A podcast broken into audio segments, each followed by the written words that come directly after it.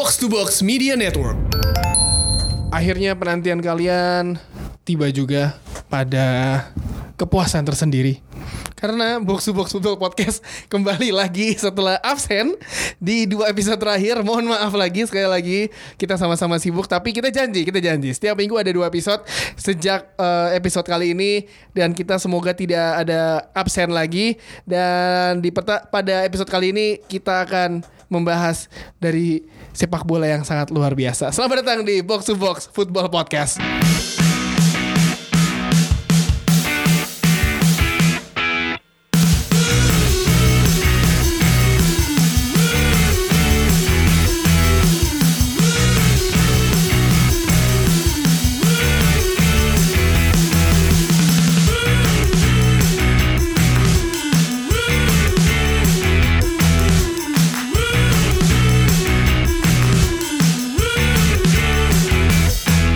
Semuanya para pendengar Box to Box Football Podcast Apa kabar semuanya? Semoga nggak bosan dan nungguin kita Kelamaan tayangnya kapan? Nge-DM gua bang kapan tayangnya?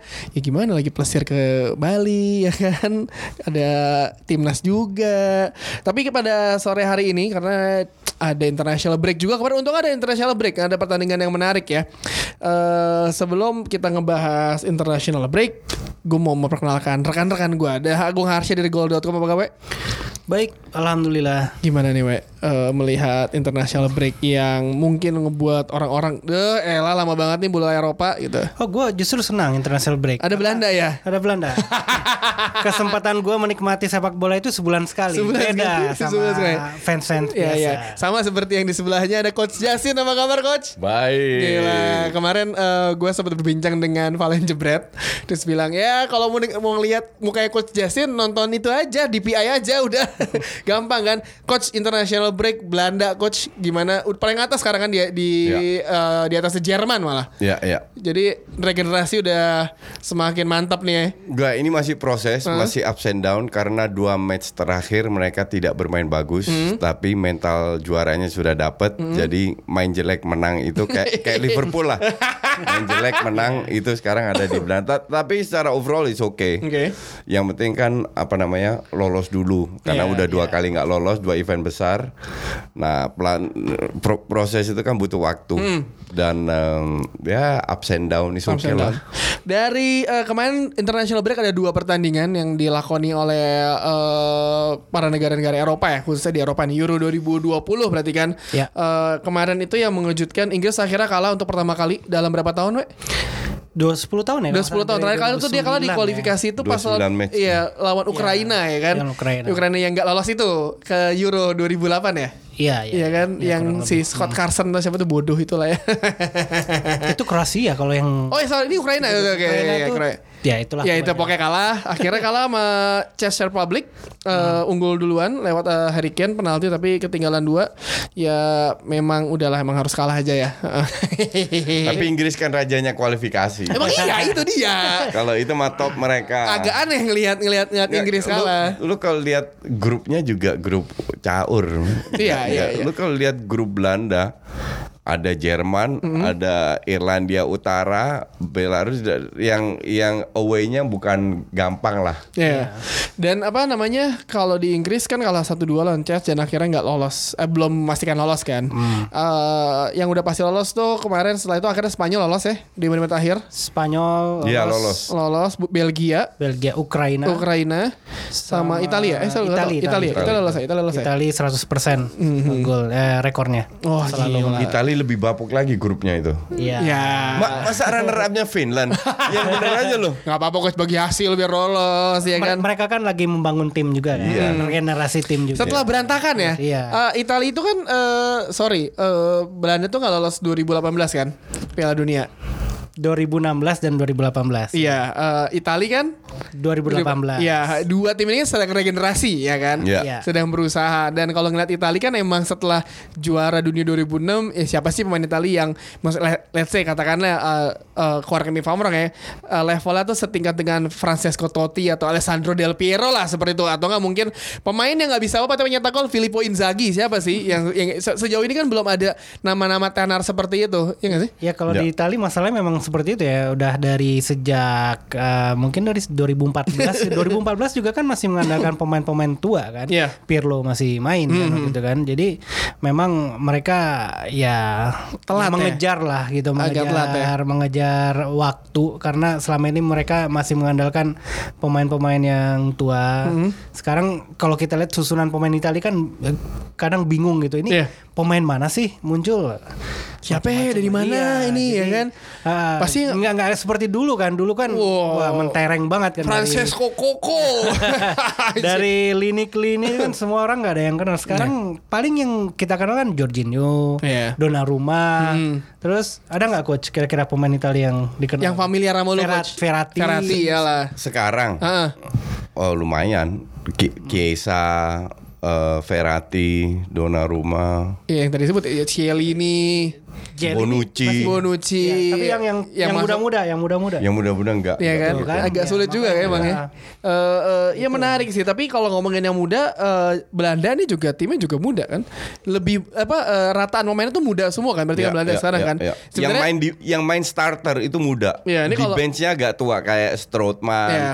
eh, De Luke de Vrij. De Vrij, ya. De Jong itu udah Ini senior. Gua eh, recap dulu Belanda itu menang 1-2 lawan Belarus. Gigi Wijnaldum 2 gol ya kan walaupun eh, Depay nggak main. Iya.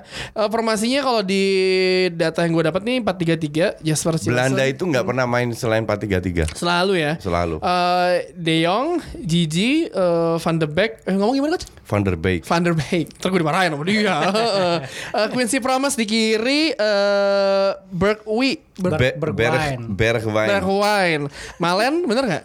Donya Malen. Nih ya. Malen. Eh, ya, tapi belakangnya udah pasti lah. Yang menarik adalah ya ini eh, eh, eh, anomali sih kalau ngelihat eh, De Ligt, eh, Van Dijk, eh, Veldman. Tapi yang menarik menurut gue adalah seorang Daley Blind ya kan. Mhm. Pemain ini kan sebenarnya kalau setelah eh, pas dari Ajax pindah ke MU sama Van Gaal diberantakin posisinya kan coach. Iya. Gelandang bertahan terus sering banget gelandang bertahan. Iya, iya, iya. Back kiri. Tapi kalau di Belanda dia selalu jadi back kiri ya kan sejak gue kalau ingat sejak Piala Dunia 2014 umpan dia ke Robin van Persie itu jadi saya back kiri kan Iya, iya. wing back kiri. Tapi apakah ini sebenarnya eh, kalian berdua kan fans Belanda nih ya? Eh, hidup dan mati demi demi apa timnas Belanda ya? Hup hup walan hup Eh, sebenarnya posisi asli dari seorang Daley Blind tuh apa sih Eh, kalau dibilang asli ya bertahan. Hmm. Itu doang. Jadi di mana-mana dia di Ajax itu nggak main sebagai back kiri ya. iya back tengah malah Iya back tengah. Iya. Jadi hanya di timnas dia main sebagai back kiri dan di MU sempat back kiri tapi sering sebagai Di back DM. Jadi yang penting bertahan. Se- kalau gue bilang dia lebih cocok sebagai DM DM karena dia tidak punya speed untuk back kiri. Hmm. Cuman di Belanda ini stok back kirinya itu tipis. Menipis. Yang banyak itu back kanan. Siapa sih Back Ba- kanan itu ada Dumfries, Feldman, TT, eh yang yang main cuma di ada satu doang Van Aanholt doang kan Van Aanholt Iya. kiri ya, Iya, kiri ya. kan itu doang kan Yang main di back. Nathan Eki. Ah, Nathan Ake. Tapi maksud gue, ya menarik sih kalau ngeliat si Daley Blind ini sebagai Ake kan pemain center back, Bill. center back. Ya center back tapi kadang-kadang kan Iya, makanya karena nggak punya back kiri kan Iya. kadang Jadi di stoknya kiri. terlalu tipis dan memang dia nggak nggak pernah main jelek amat, nggak pernah main bagus, cukup konstan ini pemain. Yang karena gue ingat di final Europa League terakhir di bersama MU tuh dia eh, dia tuh tengah itu paling ajaib MU. Chris Smalling sama Daley Blind. Sama kirinya itu Matteo Darmian, kanannya Ashley Young. Ketika itu si Fer- eh, si Jose Mourinho bilang karena kenapa ada Daley Blind karena dia untuk megang bola kan, untuk Iya, supply betul. bola. Jadi- dia supply bola. De Daley Blind itu main sebagai center back lebih untuk membantu pada saat Iya. membangun serangan. Build in dari belakang Iya, ya kan. kalau suruh main to main ya lawan stri- real striker Iya. selesai juga. Tiba-tiba depannya Messi, wah telat. Tenang Iya. aja. Tapi masih ada uh, uh, Virgil van Dijk. Tenang aja, masih bisa Iya. diamankan ya kan. Jadi dari dua pertandingan kemarin tuh Daley Blind yang memang eh, setup serangan tuh selalu dari kiri. Hmm. Dari dia. Lebih banyak lebih condong dari kiri daripada di kanan. Hmm. Walaupun di kanan eh, Kuman ganti eh, Dumfries dengan Feldman, itu nggak ngefek tetap selalu dari Iya. kiri. Hmm. Karena di kiri juga eh, Blind dibantu sama Frankie De Jong kan. Iya. Frankie De Jong tuh condongnya mainnya di kiri. Iya, iya. Hmm, Dan jadi itu yang bantu banget. eh, selain itu eh, saingannya si Belanda yaitu Jerman juga menang 3-0 tapi walaupun kartu merah. Jerman ini sebenarnya kan juga sedang eh, Membangun juga. membangun juga kan setelah eh, berantakan di Piala Dunia 2018 sebagai juara bertahan loh. Lo diacak-acak sama Korea Selatan, kacau sama Meksiko juga. Jadi ini menarik sih. Tapi Emre Can kan eh, Emre Can kartu merah. Eh, bahkan dia jadi back tengah. Ini emang permasalahan Jerman eh, setelah setelah eranya Philip Lam. Itu sepertinya nggak nggak ada pemain. Sebenarnya setelahnya era Bastian, Schweinsteiger itu udah mulai menurun.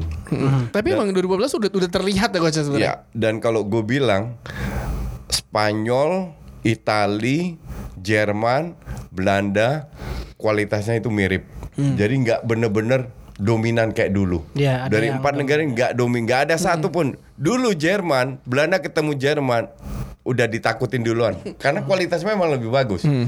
Kalau sekarang ya elah Jerman udah dua kali menang di tandang loh. Iya, iya, karena iya, dua iya. kali loh. Bukan bukan keberuntungan.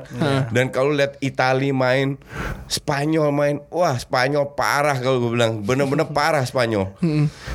Eh, bahkan tim yang sustain dengan dengan pemain sekarang kayak Perancis dan Belgia itu pun nggak terlalu heboh Iya, iya, heboh iya. Nggak amat ada, nggak mainnya. ada yang menonjol. Iya. Iya, ya. jadi dari semua kandidat yang lolos nggak ada satu yang bisa diprediksi. belum belum belum, Belum terlihat kelihatan, belum terlihat iya, ya karena iya. kalau misalnya ngomongin ya Prancis dia juara dunia tapi kita bisa bilang Prancis juara dunia dengan ugly win ya kan dengan Iya, gaya betul. bermain dia yang kita bilang kita kita nggak bisa bilang dia bermain cantik lah lihat bagaimana Olivier Giroud yang nggak nembak ke gawang tapi dia membuka ruang bagi Iya. Mbappe dan Antoine Griezmann itu yang menarik jadi eh, iya eh, Jerman menang 3-0 terus Inggris juga menang 6-0 lawan Bulgaria walaupun sempat berhenti pertandingan ada Karena rasis. rasis karena rasis. ya. emang gue tadi pagi ngelihat video Hristo Stoikov ya dia kayaknya menangis kan dia kesel sendiri karena ya ini kejadiannya sudah ber- berulang-ulang terjadi di Bulgaria ya, ya, nggak, Wei? Ya dan ya memang dari sebelum pertandingan kan sudah muaf sudah rame tuh ya. Kalau ada uh, rasis Chen gitu ya, ya Berhenti. kita tinggalin aja lapangan kita berhenti main kan. Dan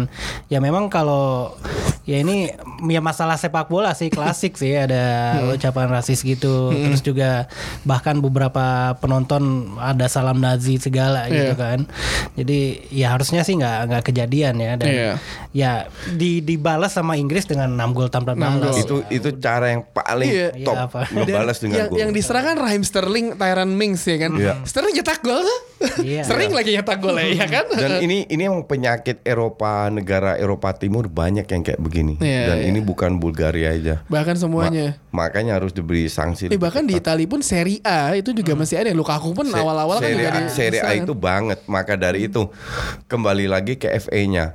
Kalau FA-nya tidak ambil tindakan yang keras, FIFA atau UEFA harus ambil, harus beri sanksi yang keras. Nggak boleh terjadi. Dan itu udah ditangkap ya empat orang. Udah udah udah ditangkap. Dan kalau kita ngeliat dari eh, grup A ini Inggris sama Chess ada di urutan pertama, tapi Republik Ceko saingannya sama Kosovo. Wih gila.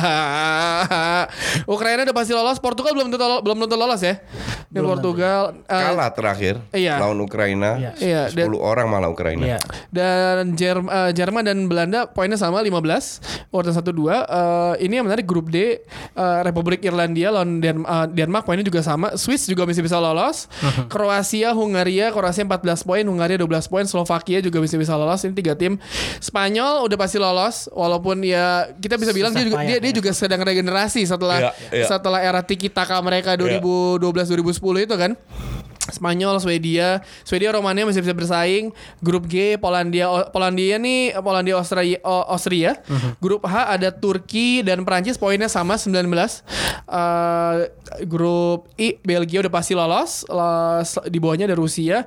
Grup J, Itali. Itali lolos juga kan? Udah pasti lolos Itali ya? udah pasti kan, lolos kan? udah Yang urutan 100%. kedua Finlandia ya.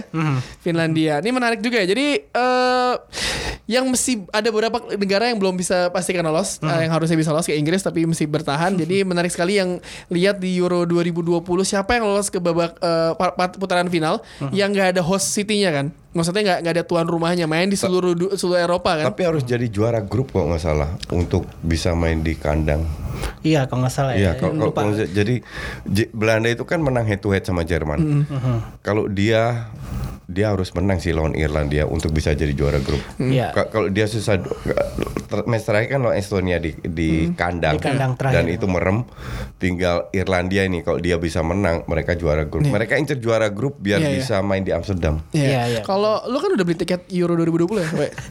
Iya. udah beli tiket. Dan ya. lu belum tahu pertandingannya siapa-siapa kan? Ya karena itu babak 16 besar. Babak 16 besar kan. Jadi eh, lu beli di mana? London, Di London, Wembley berarti ya. Wembley. Dan Wembley juga masih jadi partai final kan? Ya dari semifinal, dua semifinal sama final kan di Wembley. Oke, ya menarik sekali kita lihat kalau Inggris nggak lolos at least semifinal bubarin aja lah tuh negara.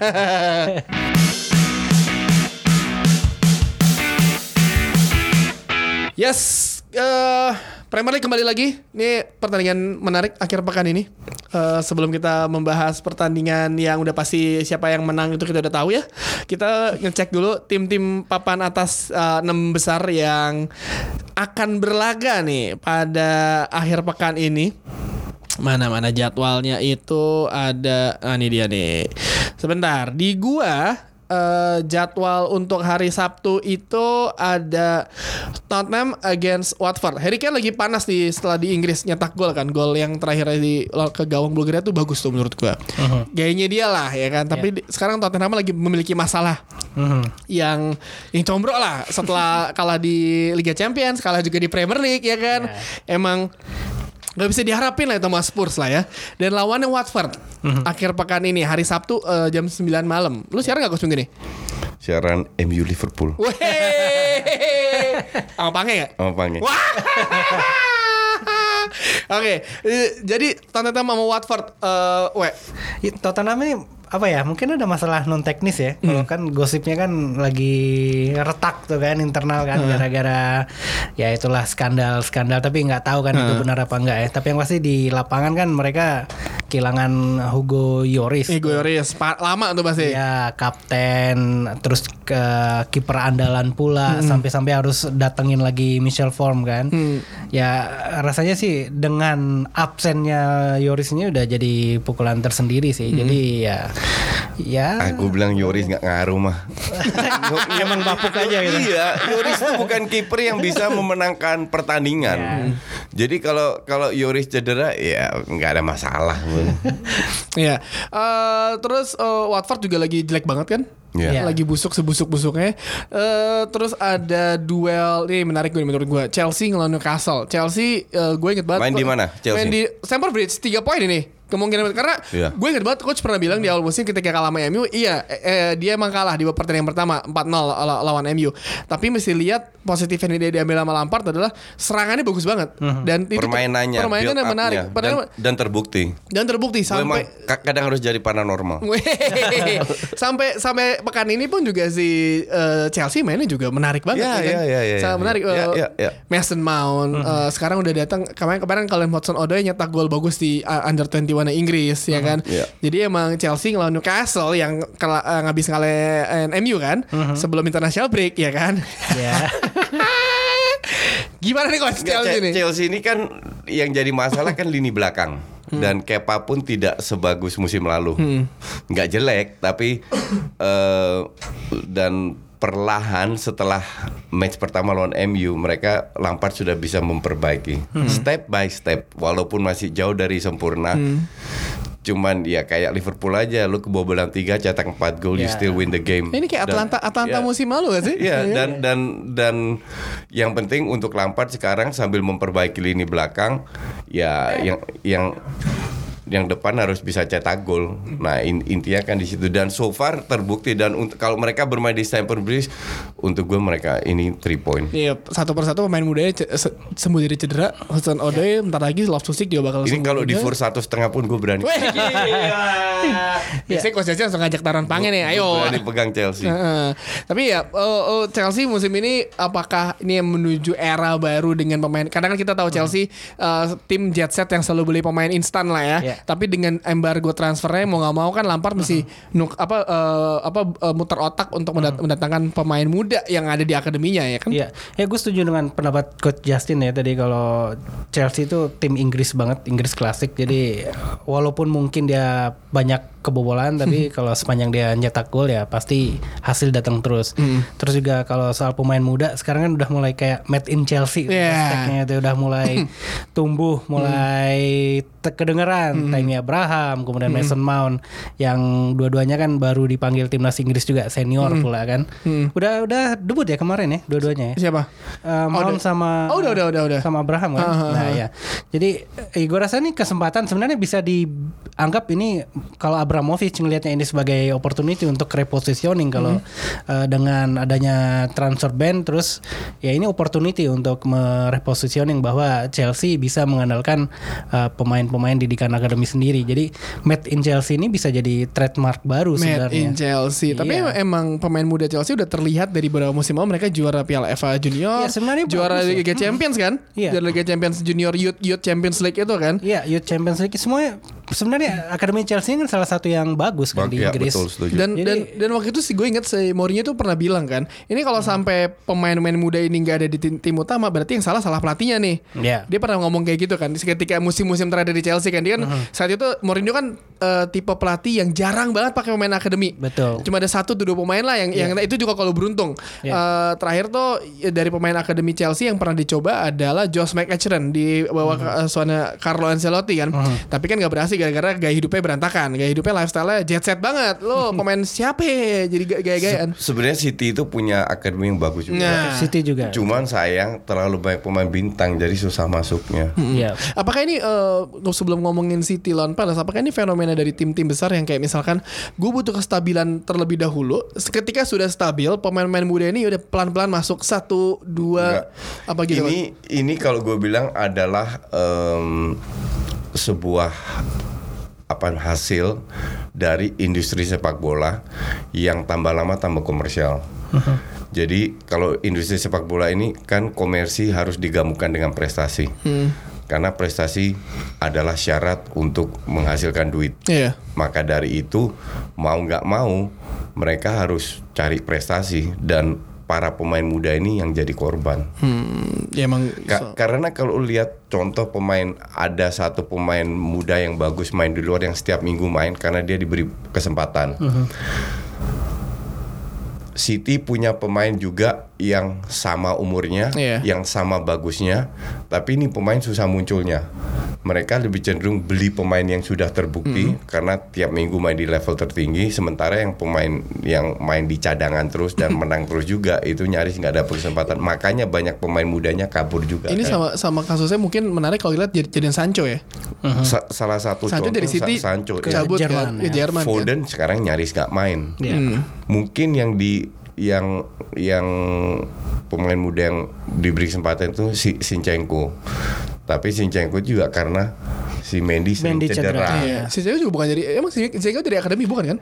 Dari akademi, Dari akademi dari ya? akademi dibeli dari akademi. Ya, tapi kan posisi aslinya bukan back kiri kan, sebenarnya dia gelandang. iya. gelandang serang, ya. serang kan. Emang karena Mendy cedera juga. Mendy kan emang ya udah lah ya, artis seleb, selebgram aja lah. iya. Selebgram aja kok jadi selebgram aja. Jadi kayak makanya pemain muda lebih bagus main di tim-tim kayak Arsenal, Hmm. kayak kayak Chelsea.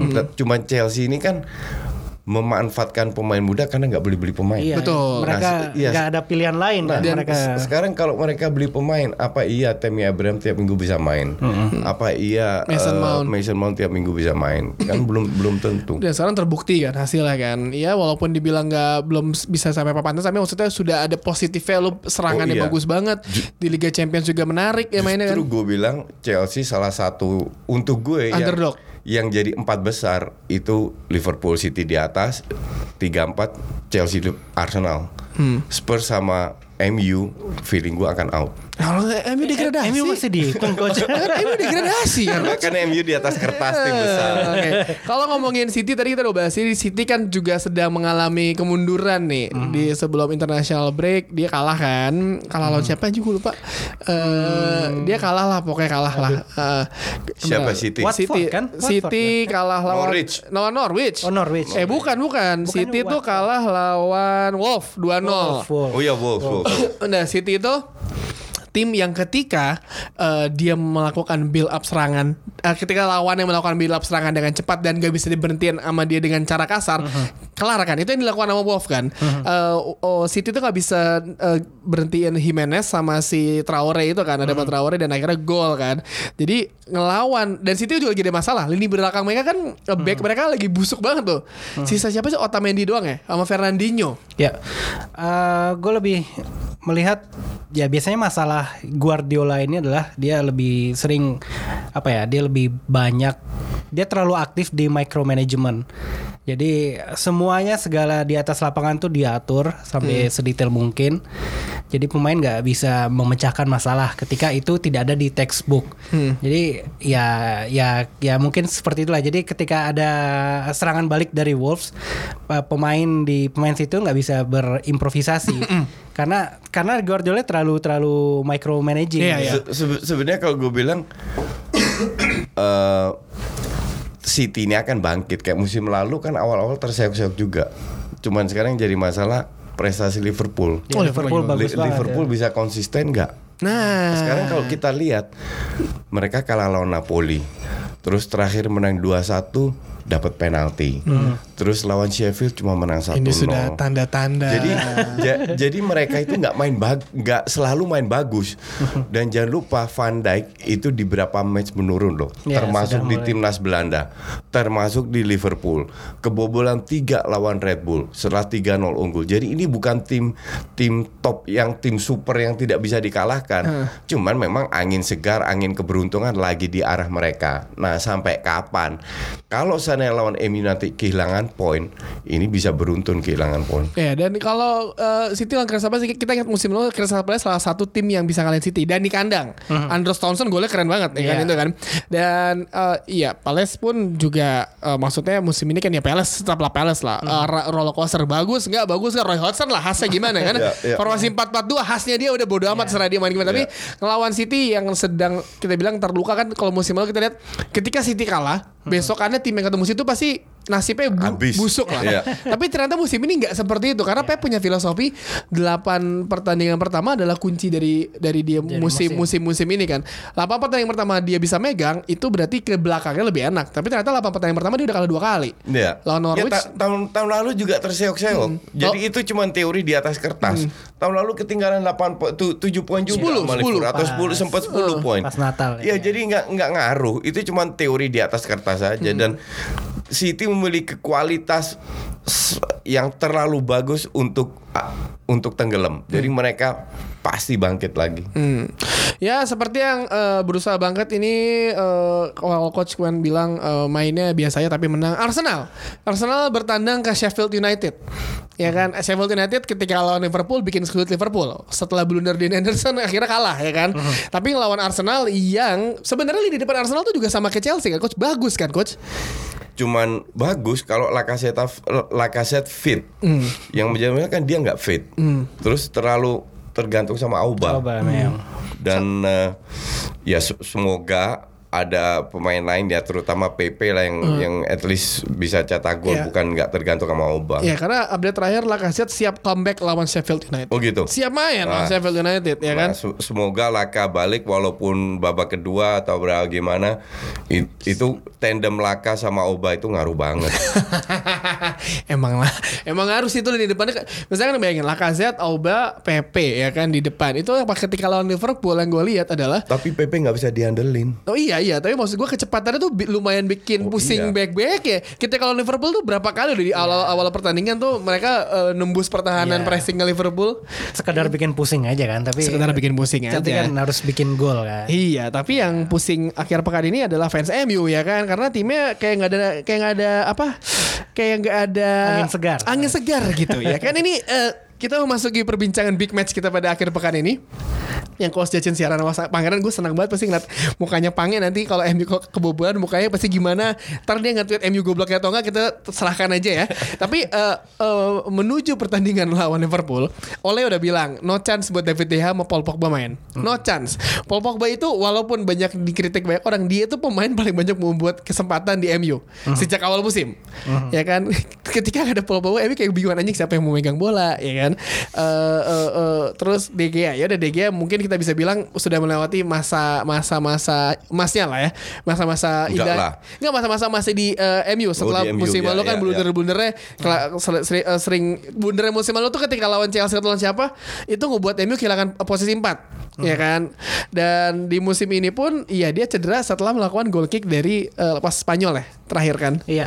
dan itu menjadi mimpi buruk bagi MU karena uh, Pogba, De Gea, Luke Shaw, Anthony Martial itu nggak bisa main. Uh, ya praktis uh, hanya mengandalkan pemain-pemain yang ada sekarang. Yang kita sudah tahu ya lawan Liverpool yang seperti itu sudah pasti ditahi-tahiin ya. Gimana nih gimana gimana? Enggak, enggak gini gini gini. Ini lu sekarang ber- berandai-andai seolah-olah sepak bola itu matematika. Kalau main sebelumnya jelek atau pemain cedera enggak Uh, terus-terus jelek. Nah, itulah kenapa gue suka sepak bola karena nggak bisa diprediksi. Oke. Kita bicara sebuah pertandingan yang melibatkan faktor emosi itu sangat tinggi. Oke. Kalau lu melibatkan emosi, ibarat lu ketemu Mike Tyson, Mike Tyson yang yang bunuh setengah dari keluarga lu, lu peduli nggak itu Mike Tyson atau enggak? Lu nggak peduli, lu hantam aja itu orang, ya kan sekuat-kuat lu. Dan pada saat MU lawan Liverpool kita tahu semua sejarahnya seperti apa, oke? Dan Liverpool yang lagi naik down, MU yang lagi menurun. Mereka juga tahu kalau mereka main bertahan itu akan hancur-hancuran. Kalau gue bilang, Ya. belajar dari Arsenal lawan Liverpool. Arsenal itu main bertahan, ngincer counter dan diobok-obok. Tidak ada satu tim yang berani ngepres lawan Liverpool. Justru kelemahan Liverpool itu pada saat mereka dipres Ya. dipaksa main bola panjang karena depannya bukan striker yang tinggi yang kuat pegang bola. Oke. Oke. Cuma kembali lagi tidak ada Pogba, gue bilang itu blessing in disguise.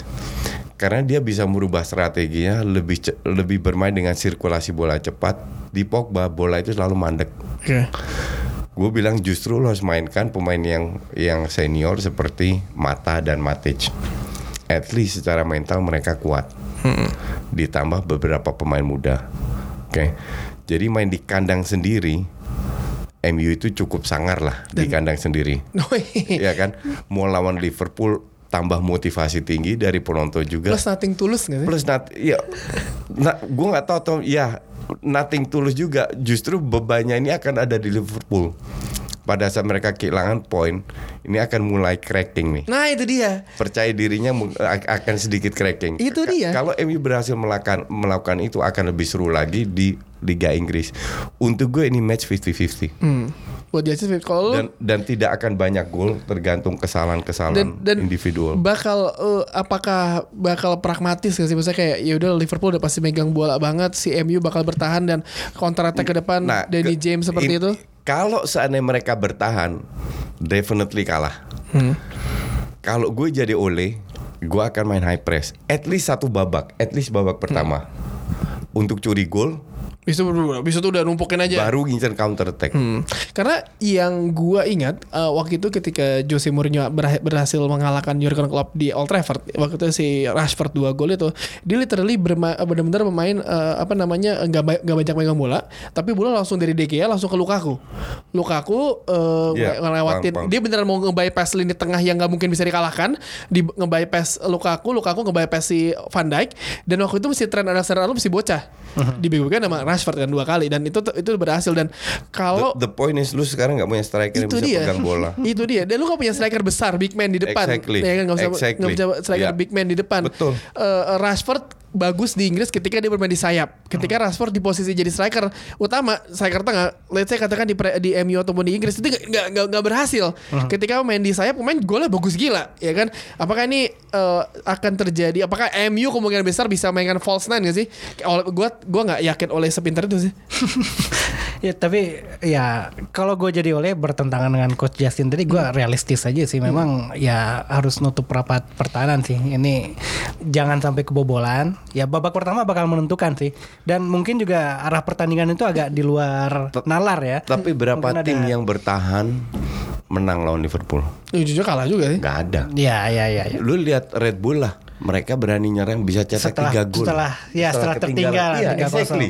Jadi intinya adalah kenapa lo harus kebobolan dulu untuk bisa cetak Ini kan sebenarnya anomali seperti yang eh, terjadi ketika Barcelona lagi bagus-bagus ya kan. Ketika Barcelona tiki taka era tiki taka Iya. semua tim bertahan, tetapi ketika yang berhasil menurut gue cuma satu timnya Mourinho tuh yang Inter yang juara champion itu salah satu tim yang berhasil main bertahan tapi menang lawan Barcelona. Iya, karena Ya kan? faktor luck juga Iya. itu. Karena Hensa atau apa orang-orang semua bilang oh eh, apa nama Mourinho menerapkan taktik yang bagus, tai kucing lah itu. itu murni faktor luck parkir bis itu enggak. Itu pelatih Indonesia level AFCD itu juga bisa main kayak gitu. Sama waktu itu Chelsea yang Fernando Torres cetak gol terakhir, Iya. itu kan dia juga parkir bus banget kan? Iya, banget. itu murni parkir bis doang, m- master tactician my ass lah. Oke kembali ke Liverpool. Ya masalahnya yo, gue nggak ngelihat United punya kapabilitas untuk untuk eh, memainkan pressing tinggi, untuk melakukan Lu, mere- counter. lu meremehkan MU kalau gitu. Bukan meremehkan. Ta- ta- Bukan tapi gua meremehkan. tapi gua coach sebagai fans MU sendiri ketika mm, eh, melihat MU bermain high press di luar skill ya pemain yang pa- paling jago untuk melakukan high press cuma satu di MU Jesse Lingard doang di luar skill biasa aja ya. Bet, gue setuju. Lingard itu banyak larinya, dikit mainnya. Nah itu kan bisa dimanfaatkan juga. Nah, itu yang untuk, Lingard untuk main high bukan press. masih cedera ya? nggak tahu Lingard nggak tahu Kan yang sih. hamstring lawan AZ itu. Iya, tapi maksud gua ketika itu kan ya ketika apa namanya eh, lawan Liverpool yang juga memiliki pemain yang semua bahkan Virgil van Dijk umpannya ke depan bagus banget ya kan. Eh, i- yang mau nggak mau tuh oleh mesti mutar otak. Tapi pemain belakangnya MU itu kan tinggi-tinggi. Ya. Maguire, Lindelof, bahkan kalau Matic main. Uh-huh. Jadi justru itu harus lu manfaatkan karena MU tidak memiliki banyak positif point di kalau lu bandingkan head to head kepada pemain Liverpool. Salah satu ya bola atas, Iya. salah satu ketinggian, Iya. dan itu ketinggian bisa dimanfaatkan dengan memaksa Liverpool main high long ball. Dan itu Dan itu Liverpool akan main long ball kalau ngepres. dan itu kan salah satu salah satu pilihan pemain Mourinho banget kan. Pilih pemain yang tinggi-tinggi kan. Betul. Dia selalu ya, dia dia itu beli Karena salah tinggi. satu faktor karena tinggi. Lukaku badannya besar. 185 ke atas itu karena Mourinho tahu bahwa dirinya itu miskin taktik. Jadi yang dia bisa yang dia bisa lakukan hanya main bola-bola atas. Di zaman dia kan banyak sekali gol dari uh, bola atas. Iya. Fellaini lah, Zlatan Lukaku lah. Selatan lah itu. Ya tetap sih gue gak gue nggak ngerasa United punya kapabilitas untuk Enggak, ka- kapabilitas enggak enggak punya itu gimana? Karena kalau lu main kalau lu melakukan high press, lu tidak pegang bola lo. Lu tidak mengelola bola. Iya. Yang lu ada lakukan adalah lari memperkecil sudut lawan untuk membangun serangan. Beda kalau lu bicara mereka harus kelola bola bermain. Nah, itu butuh visi yang Tapi kalau ngepres doang kan lu nggak nggak nggak harus pinter-pinter amat. Ini soalnya gue lihat dari penampilan terakhir pertandingan terakhir yang gue tonton United adalah lawan AZ di Europa League. Iya. Meskipun memang United mainin banyak pemain pelapis kan di Iya. situ kan, tapi kelihatan ya ya Oh itu, nyerang banget sih. Itu nyerang banget. itu United tidak melepaskan Tidak. satupun tapi tembakan. tapi begitu aja mainnya. iya makanya makanya beras- berdasarkan dari situ gue nggak ngerasa ya United bisa ah, bukan bisa sih punya taktik yang kemampuan taktik yang cukup Nah, kalau itu beda. Kalau kalau kemampuan taktik dan kemampuan untuk high press beda. Kalau lu bilang Aset bener terlalu banyak pelapis. Yang sekarang kan main lebih pemain intinya. Kalau soal taktik untuk gue juga masih tanda tanya. Apakah Ole bisa menerapkan dua kubu? Satu kubu high press menyerang, satu kubu belakang Ini kan- bertahan. Ah. Jadi menghilangkan lini tengah karena mereka akan kalah dari sisi ball possession. Jadi harus anti strategi. Hmm, menarik semua. Oleh denger, leh denger oleh.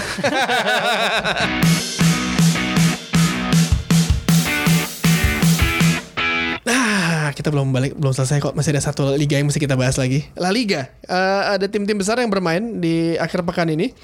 Barcelona dipaksa untuk eh, nyetir 6 jam ke Eibar.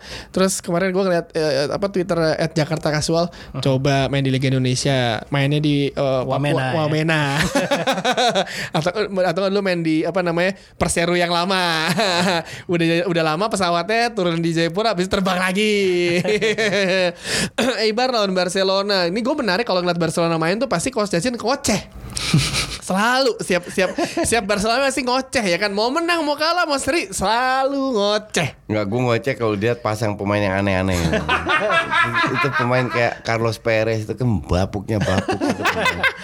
Masih aja dipasangnya. Tapi urutan dua, poinnya beda dua poin sama Enggak, ka- kalau lu mau pakai pemain muda itu yang kapasitasnya pas-pasan kayak Ka- Carlos Perez itu contohnya pakailah dia pada saat unggul 3-4-0 ngerti nggak? 10 menit terakhir kasih jam terbang lah. That's okay. Terus kedua Sergi. Sergi itu main di tengah itu selalu bapuk. Ka- kalau bek kanan masih lumayan lah. Dan dia harus sekarang dia itu agak pinter dikit. Dia dia udah mulai kebuka bahwa Busquets ini emang biang keladinya. Se- se- semua kekalahan. Jadi se- lebih sering di, dicadangin. Kelihatan banget itu di Champions League kalau nggak salah. De Jong jadi DM langsung itu mesin jalan. Pada saat Busquets jaraknya terlalu jauh terlalu statis nggak berani melakukan penetrasi nggak berani main ke depan kalau De Jong visinya jauh lebih, lebih bagus dan beda banget De Jong main sebagai DM atau itu Iya. dan dan pelan-pelan kayaknya dia sadar makanya sering akhirnya di, Lebih De Jong lebih dimainin. di Iyalah. ca- ca- cadangin kan. Sudah saatnya era itu tuh harus diganti. Iya. Ya kan? Iya. Era itu harus yang, diganti. yang jadi masalah ya tetap tergantung sama Messi. Sa- sayangnya Griezmann belum nyetel. Oh iya gue lupa ada Griezmann loh di Barcelona sampai Iya. lupa gue. Gue bener lupa kok Griezmann tuh ada di sana. Ya kan tapi eh, eh, mantan timnya Griezmann bakal lawan Valencia. Eh, apa namanya Diego Simeone punya rekor bagus ketika dari awal dia megang eh, Atletico Madrid belum pernah kalah sama Valencia. Valencia kan juga sebelumnya punya masalah ganti pelatih tengah-tengah eh, musim kan setelah bermasalah Peter Lim kan. Iya. Dan uh, Atletico Madrid dari awal musim gue sempat bilang sama coach Justin, Madrid ini transfernya paling menarik menurut gue. Yang dia datangkan tuh pemain yang yang beneran ya udah lu good deal semua harganya pemain-pemainnya dan Ya. permainannya pun gak berubah sama aja dari musim-musim sebelumnya ya kan. Zidane emang katro, nggak ngandelin skill doang. Atletico nih coach. Ya, ya, eh, so- so- sorry. At- Atletico emang emang mainnya kayak gitu. Padahal, padahal ya, mereka membuktikan bahwa kalau mereka mau bermain high press nyerang itu bisa dan bagus loh. Bisa. Berkali-kali. Pemainnya tuh punya masalah, Kayak pemainnya lawan Juve, lawan siapa itu bertahun-tahun gue perhatiin pada saat ka- kalau mereka mau menyerang, iya. Tapi si Simeone emang Memang basicnya tuh basicnya bertahan. Mm, ya emang dia Itu yang susah. dua kali masuk final Liga Champion kan? Ma- masuk. Kalah Madrid juga. Ya. Emang kampret.